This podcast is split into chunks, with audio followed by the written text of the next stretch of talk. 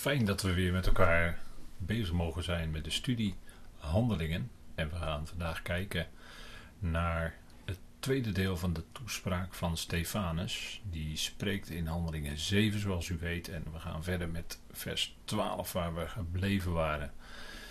We willen dat doen nadat we eerst met elkaar hebben gebeden. Vader, we danken u dat we ook op dit moment weer een stukje uit uw woord mogen overdenken. Handelingen is een boeiend boek en we danken u voor de rijke toespraak van Stefanus tot zijn eigen volksgenoten van het Sanhedrin. Vader, dank u wel dat u daarin door Heilige Geest leidde. En dank u wel dat u ook op dit moment ons wilt leiden in het spreken, in het luisteren door uw Heilige Geest. Dank u wel dat u ons die heeft gegeven. Dat we van u zijn, dat u alle dingen in uw hand heeft.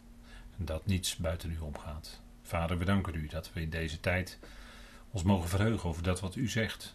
De lijnen mogen zien in uw woord en de ontwikkeling zien hoe dat gegaan is in handelingen in de begintijd, in het koninkrijk. Vader, geef daarin wijsheid en inzicht. Dank u voor dit moment dat u ons geeft.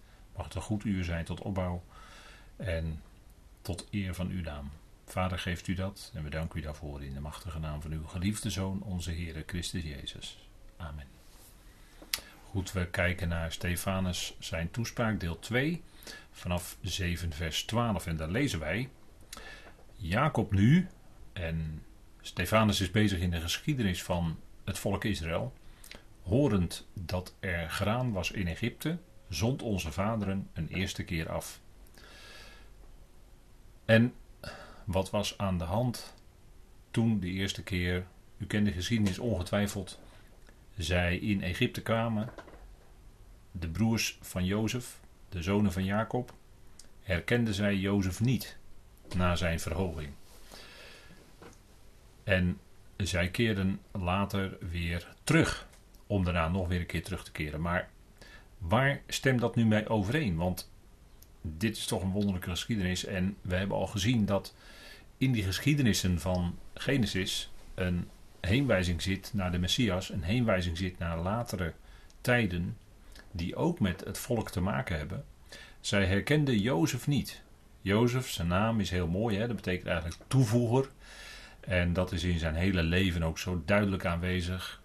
En hier, toen er hongersnood was, kwamen de broers naar Egypte toe, vanuit Canaan, gedreven door de hongersnood. En zo kon Jozef aan hen graan toevoegen, daar heb je zijn naam.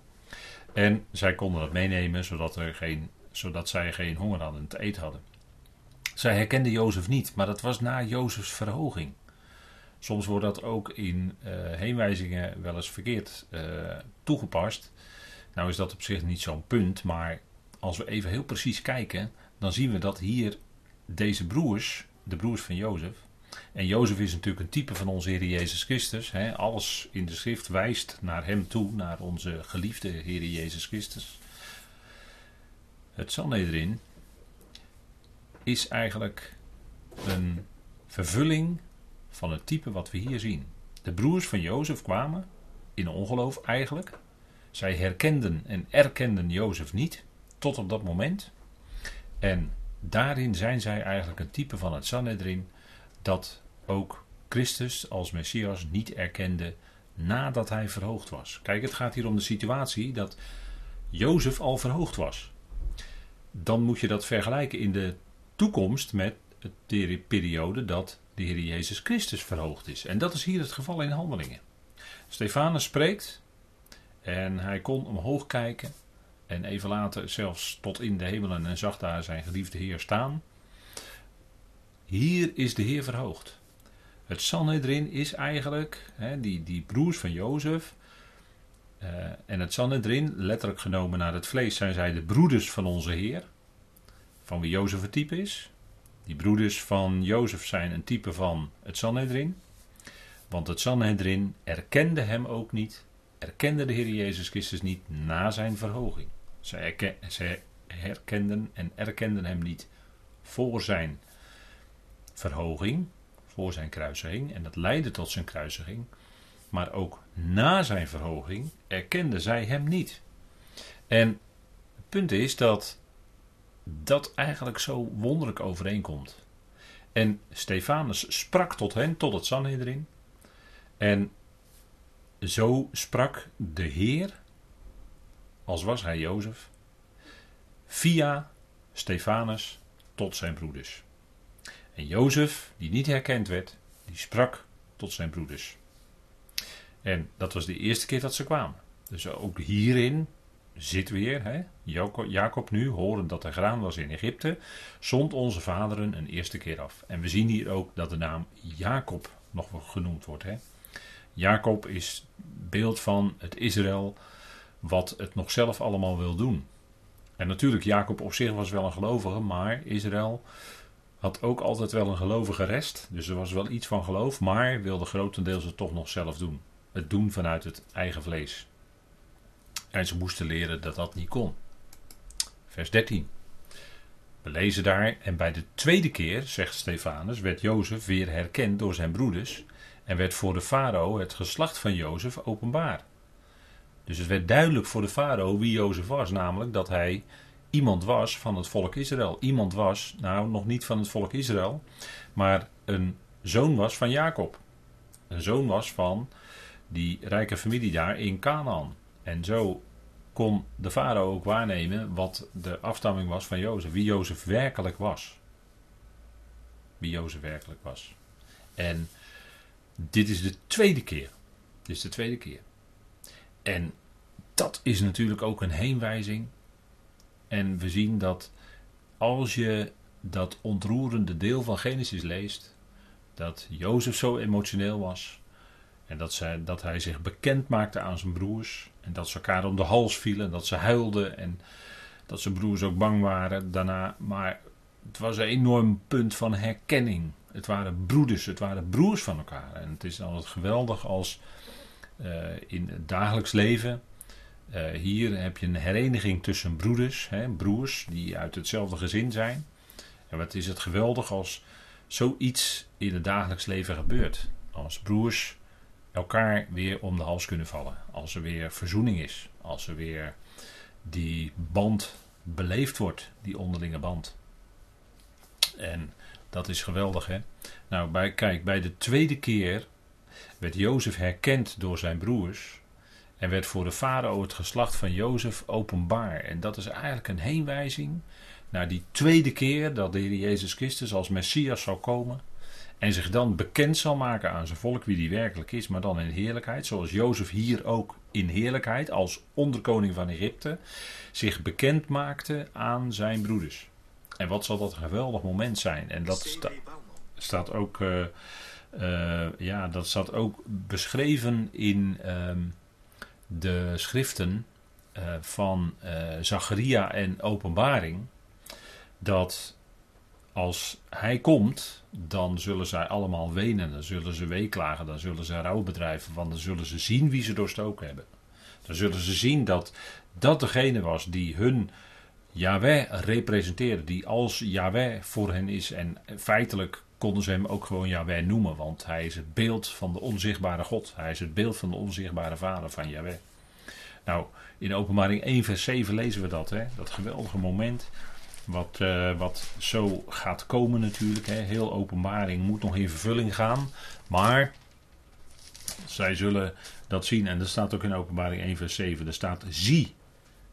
En dan komt er in de schrift vaak iets verrassends. Iets wat je blij maakt. Iets wat je niet verwacht. Maar wat je wel blij maakt. Zie, hij komt. Met de wolken. En elk oog zal hem zien. Ook zij die hem doorstoken hebben. En alle stammen van het land. Sommige vertalingen zeggen dan van de aarde. Maar hier gaat het toch echt om het land, zullen rouw over hem bedrijven, ja amen. En dat is eigenlijk een weerslag van wat we lezen in Zacharia 12. Iets uitgebreider. Dat wordt bijna letterlijk hier in openbaring 1 vers 7. Waarin dat wordt aangekondigd dat hij daadwerkelijk zijn koningschap zal gaan vestigen over deze aarde vanuit Israël. En dat, dat is natuurlijk iets dat uh, in, in redelijk nabije toekomst toch ligt. Zacharia 12, dan staat er op die dag zal het gebeuren dat ik alle naties tegen Jeruzalem zal op, die tegen Jeruzalem oprukken zal willen wegvagen. Maar over het huis van David en over de inwoners van Jeruzalem zal ik de geest van de genade en van de gebeden uitstorten. Dat is een genademoment dus. Zij zullen mij aanschouwen die zij doorstoken hebben. Ze zullen over hem rouw bedrijven.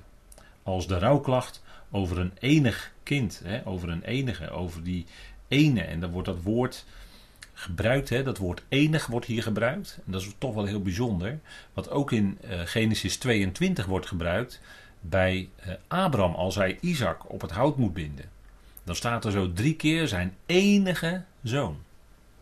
Zijn zoon die hij verwekte bij Sarah. Het beloofde zaad. En er staat zo drie keer zo heel tekenend in Genesis 22, als Abraham naar Moria moet gaan, dat het zijn enige zoon is. Dus zijn geliefde. Ze zullen over hem bitter klagen, zoals men bitter klaagt over een eerstgeborene. En op die dag zal in Jeruzalem de rouwklacht groot zijn, zoals de rouwklacht van Hadad Rimmon in het dal van Megiddo. En eh, dat is natuurlijk wat in openbaring 1 vers 7 ook geciteerd wordt. En dit zijn de versen uit Zacharia en dit gaat komen. En hier was die tweede ontmoeting waarin Jozef zich dus in heerlijkheid bekend maakte aan zijn broeders. Een voorafschaduwing, een, eh, een voorafbeelding van.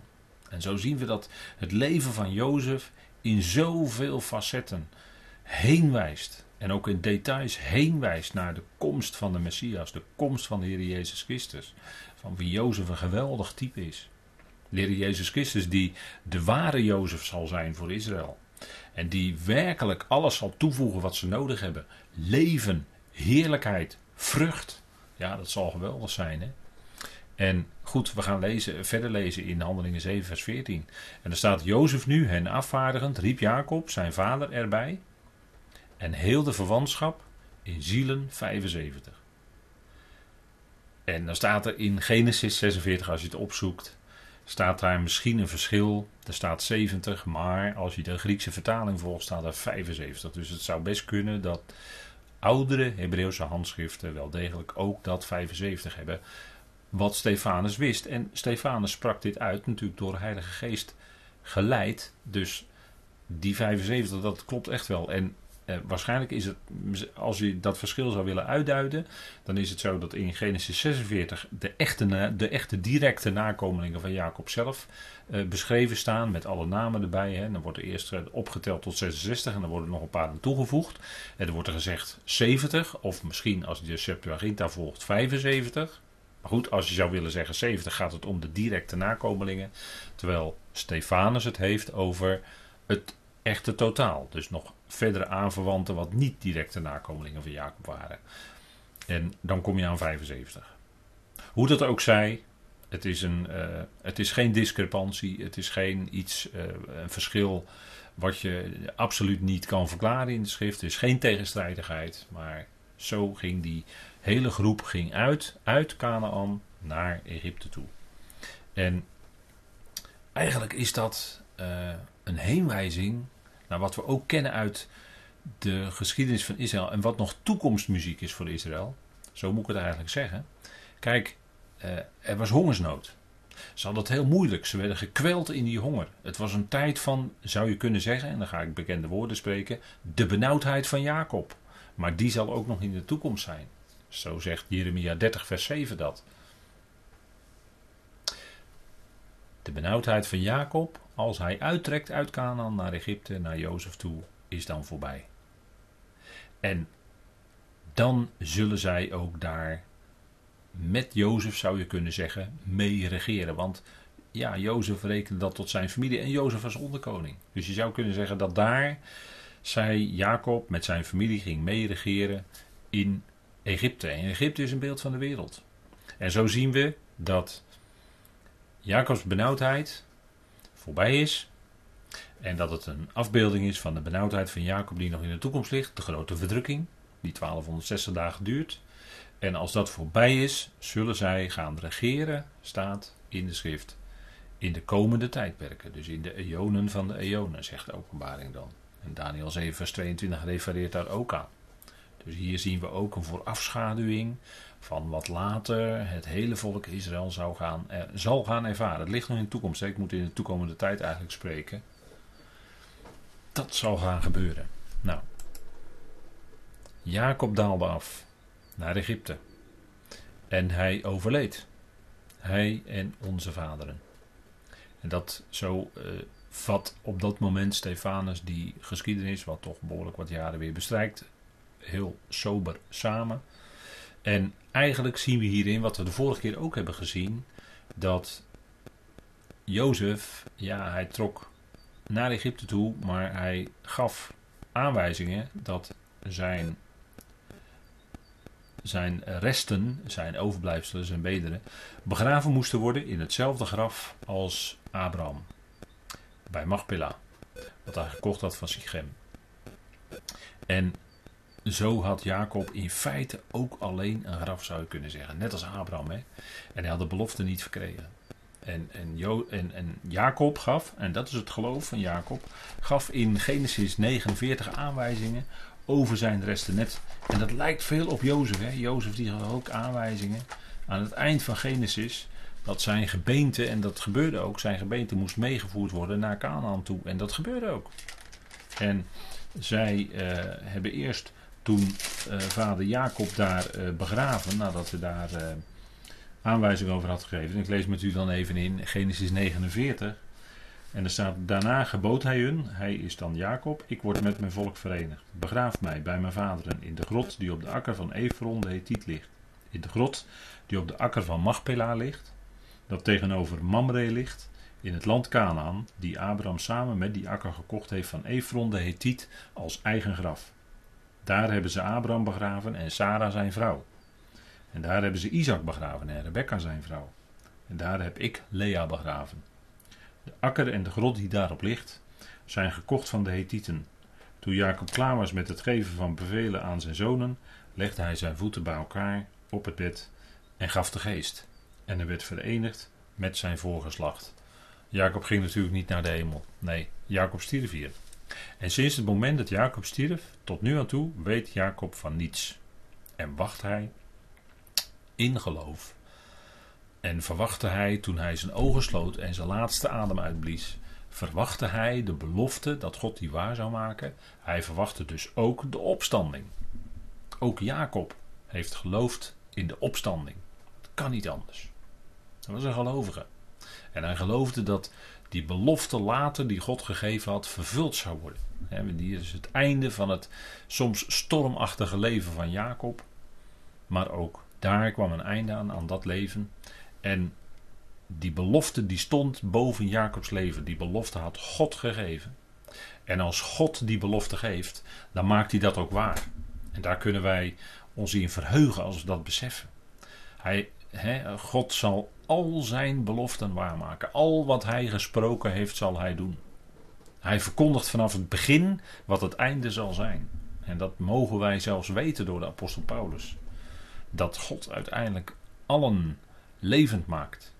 Niet alleen de gelovigen in deze tijden, maar ook degenen die in ongeloof stierven, die zullen uiteindelijk via de grote witte troon, via het gericht daar, via de tweede dood, ja zeker, de tweede dood. Maar daarna zal er leven zijn, ook voor allen uiteindelijk. Dat is de belofte die God gegeven heeft. En dat zal Hij doen, dat zal Hij waarmaken. En dat is wat ons bemoedigt en vertroost en juist in deze tijden ons opnieuw kracht geeft om verder te gaan.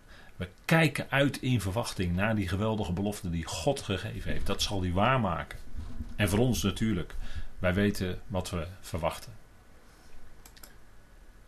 Kijk, dat graf van de aartsvaders is in Machbela. We hebben het net gelezen in Genesis 49, eh, waarin Jacob zo duidelijk aanwijzing gaf. En dat hebben ze ook gedaan. Ze hebben hem begraven. dat lees je dan in Genesis 50. De, de eerste uh, eh, 14 versen hebben ze gezamenlijk, die broers hebben ze gezamenlijk hun vader. Het moet toch een ontroerend moment geweest zijn. En aan de ene kant een verdrietig moment, maar aan de andere kant ook een ontroerend moment dat zij dat als broers gezamenlijk hebben kunnen doen hun vader begraven. Dat is toch bijzonder. Het is een heel groot moment als je vader overlijdt en je begraaft hem. Het is een heel groot moment als je moeder overlijdt, eh, overlijdt en je begraaft haar. Ja, dat zijn uh, indringende momenten in een mensenleven. En, je doen, en we doen dat natuurlijk, uh, en we zien dat ook als een zaaien in de verwachting van de opstanding. Natuurlijk, maar dan is er ook verdriet. En dat lees je ook bij die broers dat er verdriet is om het verlies van hun vader. En ja, het feit dat ze hem moesten begraven. En er staat ook in Handel in de 7 vers 16, dat lezen we even met elkaar. En ze werden overgeplaatst naar Sichem. En in de grafkelder geplaatst die Abraham aangekocht had voor een prijs in zilver van de zonen van Hemor in Sichem. En dat is natuurlijk uh, een bijzondere plek, nog steeds. En u ziet hier op deze slide een fotootje van uh, de, het gebouw wat eromheen gebouwd is. Het graf van de aartsvaders in Machpilla. En uh, we lezen daarover, we lezen over die verwachting, we lezen over die toekomst. dat ze, en het is ook niet voor niks dat ze daar allemaal gezamenlijk begraven wilden worden. In het land Canaan. In het land dat God hun beloofd had. Maar tijdens hun leven hadden ze die belofte niet verkregen, maar ze verwachten een. Ze hadden betere beloften van de toekomst. En dat gaan we met elkaar lezen in Hebreeën 11, vers 13. En dat is natuurlijk een uh, geweldig uitzicht wat, wat ze hadden. En in dat geloof zijn ze ook gestorven. Dat zegt Hebreeën ook. Deze allen zijn in het geloof gestorven. Zij hebben de belofte niet verkregen, maar hebben die vanuit de verte gezien en geloofd en begroet en ze hebben beleden dat zij vreemdelingen en bijwoners op de aarde waren. Want wie zulke dingen zeggen, laat het duidelijk blijken dat zij een vaderland zoeken. zou u zeggen, ja, dat vaderland hebben ze al bereikt. Ja, maar ze ervoeren dat ze nog niet de vervulling van de beloften die God gegeven had, zouden, hadden verkregen. Dat wisten ze. Zoals Abraham de stad met fundamenten had gezien. En wellicht Jacob die droomde en die, droomde over die ladder in de hemel en er kwamen boodschappers op en neer en noem maar op. En wat heeft Jacob toen allemaal gezien? Dat weten we niet. Maar dat zijn ook hè, die, die ladder tot in de hemel. We zouden zomaar kunnen bedenken dat ook Jacob hemelse dingen heeft gezien. En dat hij daarom ook zo in dat geloof, hè, in Bethel, Bethel, het huis van God, hè, heette voorheen Lus, maar Jacob noemde dat Bethel niet voor niks, het huis van God, het huis van de onderschikker.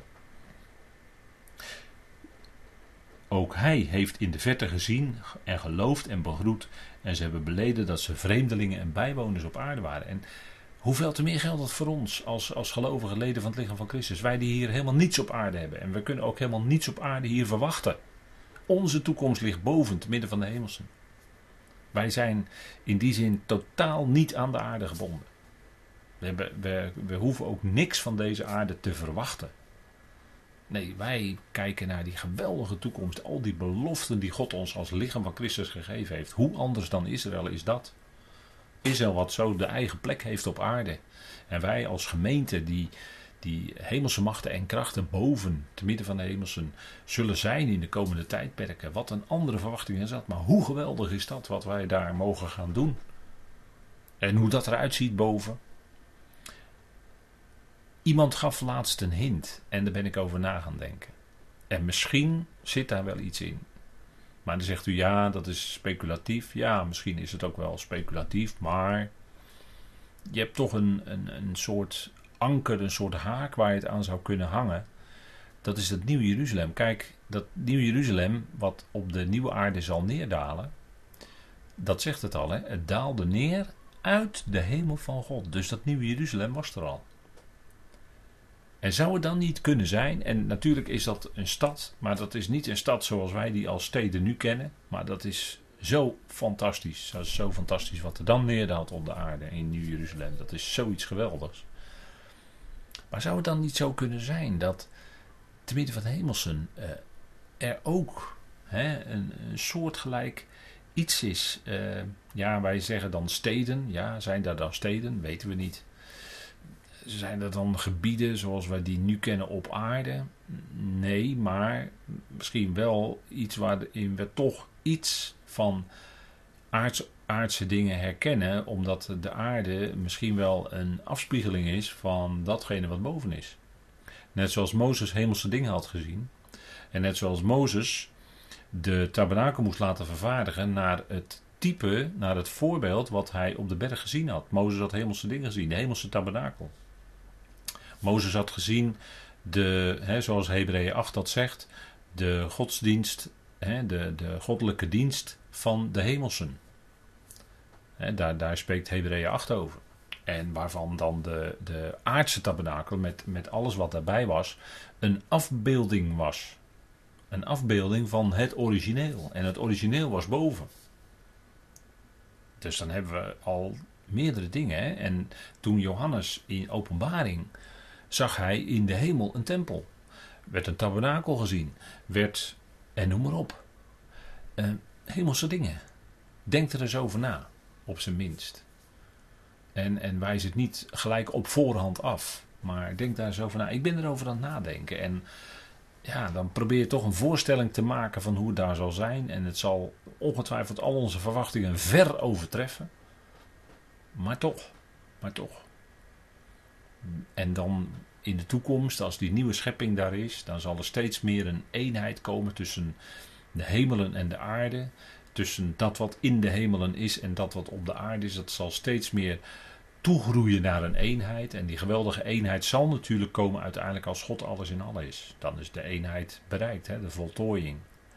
Dat is natuurlijk geweldig wat er dan zal zijn. Dan is alles één. En dan, is er, dan zal er ook geen verdeeldheid meer zijn. Dat kunnen wij ons nu niet voorstellen, omdat het allemaal zo hopeloos verdeeld is in onze dagen. Maar dan zal alles één zijn. Door de geest van God geleid. Wat een geweldige toekomst is dat. Hè?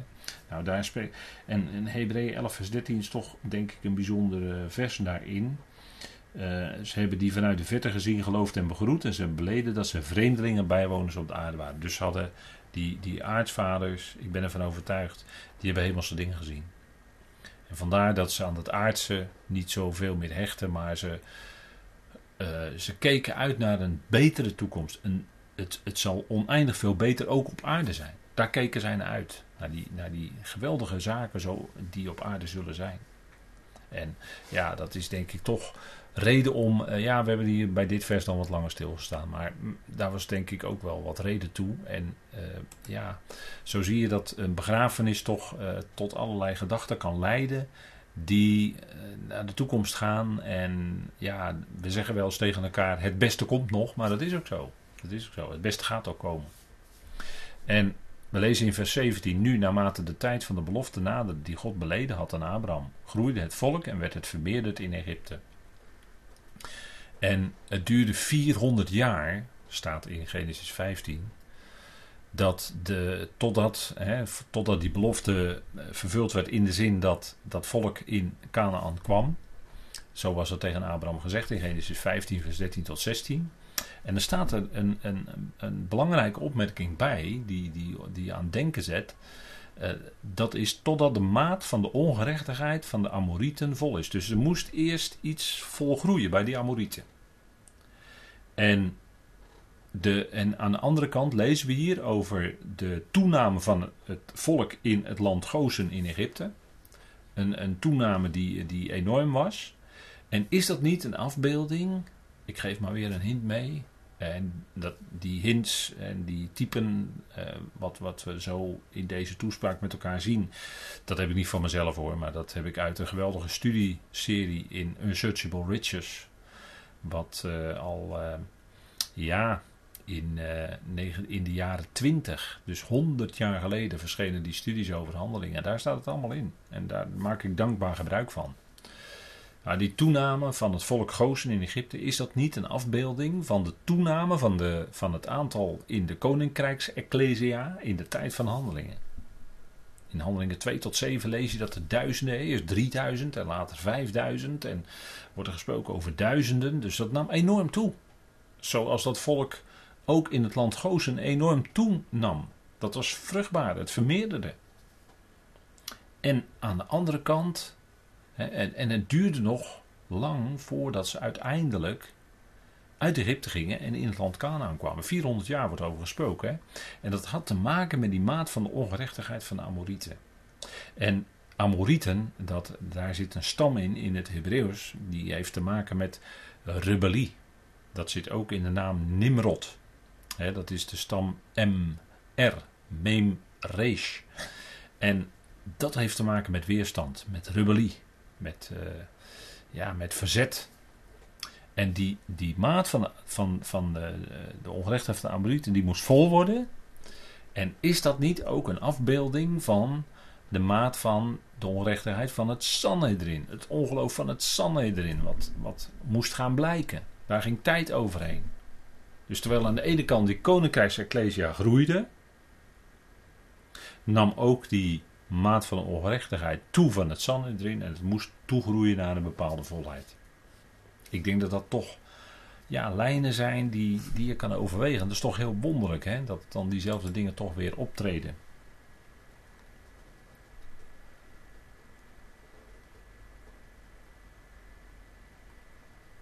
En we, ja, we zien hier de tijd van uh, de verdrukking. Verdrukking in Egypte. En er staat hier totdat een andere koning opstond over Egypte die Jozef niet gekend had. En is dat niet, hè, dat uh, vers 18, uh, er was een periode van verdrukking onder een vreemde farao. Het volk werd verdrukt, die Jozef niet gekend had. En het volk kwam in problemen. En is dat niet een afbeelding, die verdrukking door de farao, van de verdrukking die het volk ondervond door de Romeinen? Maar ook de verdrukking van het volk, de slavernij van het volk, hè, want er was sprake niet alleen van onderdrukking, maar ook van slavernij van het volk. Is dat niet een afbeelding van de slavernij van het volk? Onder de wet en onder de tradities waar de Heer Jezus zo scherp van spreekt in Marcus 7 als hij inderdaad ook het Sanhedrin van zijn dagen aanspreekt, de leiders van het volk aanspreekt, dat zij het woord van God krachteloos hebben gemaakt door hun overleveringen, door hun tradities, die in de praktijk belangrijker werden dan het woord van God zelf. En waardoor men meer aandacht en meer uh, energie besteedde, veel meer, en, en eigenlijk draaide om het vervullen van die tradities, van die rituelen, die alleen maar traditioneel waren in plaats van het woord van God zelf. En zo zien we dat het Sanhedrin, niet alleen de Romeinen, maar ook het Sanhedrin, ook de baas speelde over het, over het volk van Israël. En ze onderdrukte. Ook weer zo'n lijn, hè? Ook weer zo'n lijn, ja. En deze handelde uit berekening, vers 19, met ons geslacht en behandelde de vaders kwaad door te zorgen dat hun baby's te vondeling gelegd werden, zodat ze niet zouden leven. Nou, u kunt die geschiedenis lezen in Exodus 1 en 2. En dat je die twee uh, Hebreeuwse uh, vroedvrouwen, hè, uh, Sifra en Pua, en die zorgden ervoor dat die kindertjes, ook al waren het jongetjes, toch geboren werden. En zo nam het volk toch toe. Ondanks het feit dat Farao er alles uh, aangelegen liet liggen, hè, en niets aangelegen liet liggen, moet ik zeggen, om dat volk te reduceren. Het werd te groot. En de farao wilde doen aan bevolkingspolitiek. Hè, dus die wilde dit, die bevolkingsaanwas reduceren. Het liefst wilde hij het volk doen afnemen, want anders zou het te groot worden en zou het machtiger worden dan zijn eigen volk, zoals zijn filosofie. Maar ondanks dat nam het toch toe. En dat nieuwe leven, dat moest onderdrukt worden en weggedrukt worden, zou je kunnen zeggen. En dat is precies wat we ook in handelingen zien. Dat, dat nieuwe leven, dat die, al die nieuwe gelovigen, hè, een hele nieuwe beweging die op gang kwam door de Heilige Geest, die moest onderdrukt worden, die moest weggedrukt worden. Dat wat, zo was het Sanhedrin bezig. En, en zo was het Sanhedrin eigenlijk net op dezelfde manier bezig als de farao toen. En, en dat is de analogie die er in feite in verborgen zit. Hè. En Misschien hebben wel sommige van die luisteraars van Stefanus dat wel begrepen. Sommige van het Sanhedrin. Dat hij in feite daarmee henzelf bedoelde. En is het niet wonderlijk dat er ook weer zo'n parallel in zit. In die periode werd Mozes voortgebracht. Het volk werd verdrukt en het leek allemaal uitzichtloos. Maar dan gaat God toch iets doen. Zou voor God nou iets te wonderlijk zijn? En het antwoord erop is natuurlijk nee. Voor God is niets te wonderlijk. Hij doet precies het juiste op het juiste moment. En op het moment dat jij het niet verwacht, geeft hij ongedacht die mogelijkheid ja, die je tot dan toe eigenlijk niet had kunnen bedenken. En hier wordt Mozes geboren. Zijn naam zegt uit het water getrokken. Prachtig hè. In die periode werd Mozes voortgebracht en hij was schoon voor God. En hij werd drie maanden grootgebracht in het huis van zijn vader. En hij werd precies dus op de juiste tijd geboren. Want die maat van de ongerechtigheid van de Amorieten moest vol worden. Het zou 400 jaar gaan duren. En nu zouden die 400 jaar, die begonnen al aardig op te schieten, om het zo maar te zeggen. Dus daar moest iets gaan gebeuren. Er moest een verlosser komen die het volk zou uitleiden uit Egypte. En dan zou het nog heel wat jaren duren, maar toch. Dit was een handeling in feite van God. Op de juiste tijd werd Mozes geboren. En later, op de juiste tijd, werd natuurlijk de Messias. Mozes is natuurlijk ook een type van de Heer Jezus Christus. Hij leidde hen uit Egypte. En zo zal de Heer Jezus Christus zijn volk straks uitleiden uit die enorme druk en verdrukking waar ze in zijn. En hij zal ze verlossen. En zo kwam, en dan zal de Heer Jezus inderdaad als de grote Mozes, als de grote leraar waar ook in Deuteronomium over gesproken wordt, in Deuteronomium 18, dan zal hij komen als de grote Mozes, als de ware Mozes zou je kunnen zeggen. En hij zal zijn volk werkelijk dan verlossen. En dan zal het duizend jaar shalom zijn. Wat een geweldige tijd zal dat zijn. En dat is alleen nog maar een prelude. Een, een, eigenlijk nog een zwakke prelude op die nieuwe aarde, wat daarin zal zijn. Hoe geweldig het dan zal zijn. En ook in die nieuwe aarde zal Israël met Christus nog steeds regeren. Ook heel wonderlijk hè, als je dat beseft. Nou, die Messias die werd op de juiste tijd geboren.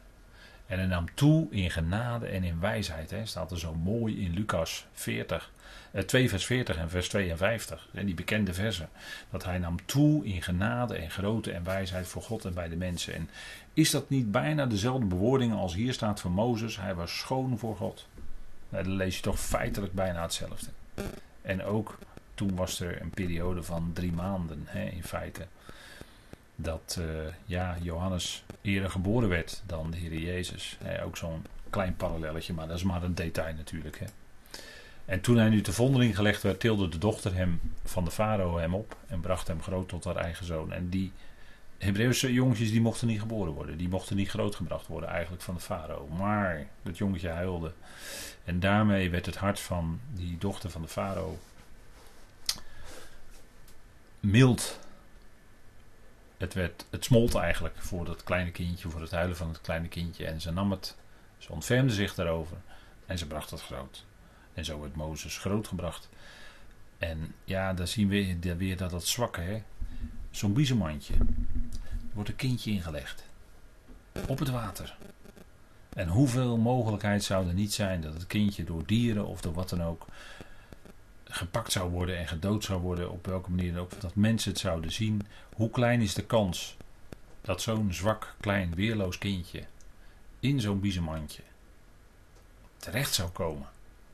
in de handen van de dochter van de farao aan het hof. Hoe groot is die kans? Heel klein hè? Misschien 1 promiel. En toch is dat precies wat gebeurde. Hoe wonderlijk hè? Zou voor God iets te wonderlijk zijn? Denk het niet. En dat geldt ook voor ons persoonlijk leven hè? Het kan uitzichtloos lijken, het kan moeilijk lijken. Je kan geen uitweg meer zien, alle deuren en ramen zitten dicht. En toch, ongedacht ineens, zou voor God iets te wonderlijk zijn? Nee, voor God is niets te wonderlijk. Hij opent dan ineens een raam of een deur. Als u, u begrijpt wel wat ik bedoel. Kijk, die wijsheid van God, hè, dat is. En hierin zien we wat Paulus ook later zegt: het zwakke van God, zo'n weerloos klein babytje, is sterker dan de mensen. De farao had enorme decreten van oh, de jongetjes moeten allemaal uitgeroeid worden van die Hebreeën en noem maar op. En dat zwakke, kleine, weerloze kindje kwam toch terecht aan het hof.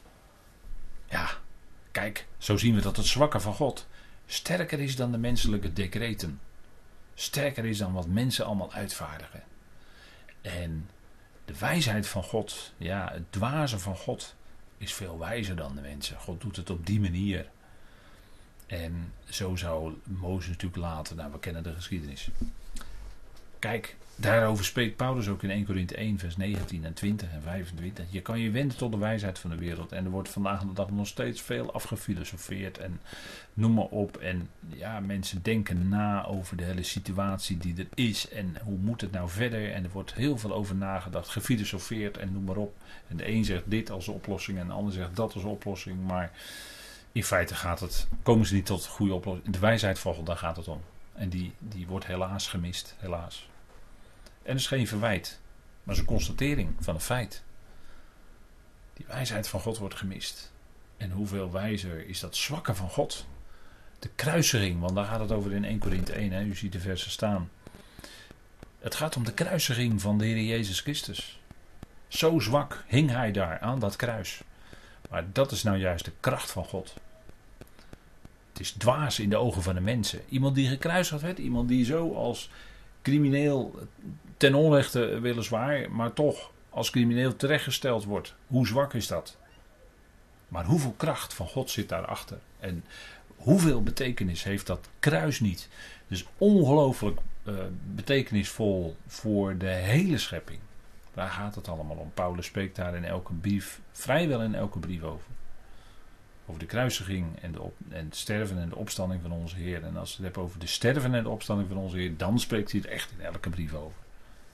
Kruis wordt misschien niet letterlijk in elke brief genoemd, maar bijna wel in alle brieven. Kruis, kruisiging, kruisigen. Ongelooflijk belangrijk. Essentieel in Gods plan. Wezenlijk ook voor ons persoonlijk leven, voor ons gedrag. Hebben we onlangs nog in, in, aan de hand van Colossense bij stilgestaan. Hè?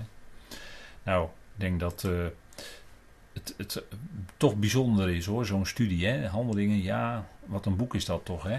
En Mozes werd opgevoed in, de, in elke wijsheid van de Egyptenaren en was krachtig in zijn woorden en werken. En, en uh, hij was waarschijnlijk een hoog intelligent uh, iemand, omdat hij leerde die wijsheid en alles van de Egyptenaren. Maar daarbij was het toch zo dat hij en was krachtig in zijn woorden en werken. Dus er werd er niet alleen grootgebracht in die wijsheid, maar daarbij wordt nog iets extra's verteld door Stefanus. En was krachtig in zijn woorden en werken. Dus hij was bijzonder ten opzichte van anderen. Hij was extra knap, extra intelligent.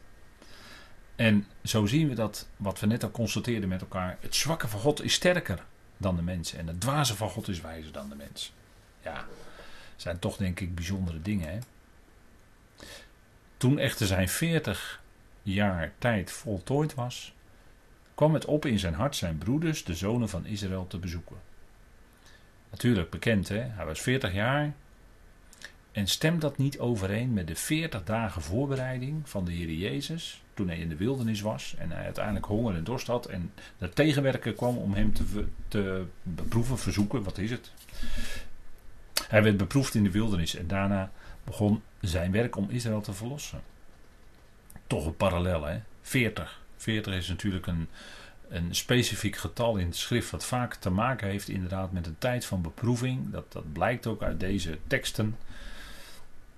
En daarna ging de Heer ook zijn bediening in. Nadat hij beproefd was geworden en hij antwoordde de tegenwerker met er staat geschreven. En hij antwoordde uit Deuteronomium, een boek van Mozes. Dus daar hebben we weer een punt. Hè? En Mozes die had een periode van beproeving en hij was en bleek al dat hij degene was die zijn broeders wilde verlossen. Hij zag onrecht en hij sloeg een Egyptenaar dood. En dat was gezien en toen moest hij nog, natuurlijk weten we, nog, nog eens een keer 40 jaar, nog een keer een tijd van beproeving meemaken in de wildernis bij schoonvader Jethro en bij de kudden. Maar dat was ook om te leren om een kudde te hoeden en een kudde te leiden in de wildernis. Zoals hij dan later het volk Israël zou leiden. Dus ook dat was nog nodig bij Mozes. Maar hier zien we ook weer zo'n parallel. Hè? Nou goed, ik denk dat het goed is om het hierbij te laten voor deze keer. Mozes, ook een prachtig type van onze Heer Jezus Christus. En wat is het rijk als we dan eigenlijk in al die bladzijden, in al die geschiedenissen, de voetstappen horen van Hem die komen zou. Het beloofde zaad aan Eva, het beloofde zaad aan Abraham, aan Isaac en Jacob, de beloofde Messias, zijn voetstappen, hem zien we op elke bladzij van de schriften. En daar gaat het maar om. Dan wordt de schrift levend. En dan kennen we ook die levende Heer die ons zo bemoedigt. Nou zullen we hem daarvoor danken. Vader, we danken u dat we weer dit moment stil konden staan bij een stukje uit handelingen. We danken u dat Stefanus door Heilige Geest geleid daar kon spreken voor het Sanhedrin. En dat moet ze aangesproken hebben. Dat kan niet anders. Vader, dank u wel dat er zo'n geschiedenis ligt. Dat u zo wonderlijk uw volk bevrijdde, verloste. Vader, dank u wel dat we mogen weten dat u bent die alle dingen in uw plan doet meewerken ten goede. En dat niet alleen. Niet alleen die gebeurtenissen zoals een Mozes die precies op tijd geboren werd. En alles exact op de juiste tijd gebeurde. maar ook in ons persoonlijk leven, Vader, werkt u en werkt u het ook uit tot wat goed is. Vader, wil u daarvoor danken, loven en prijzen. Dank u wel dat u een goede vader bent. En dat we zo weer dit moment mochten beleven. U wilde het geven, Vader. We danken u daarvoor. In de machtige naam van uw geliefde Zoon, de Heer Jezus Christus. Amen.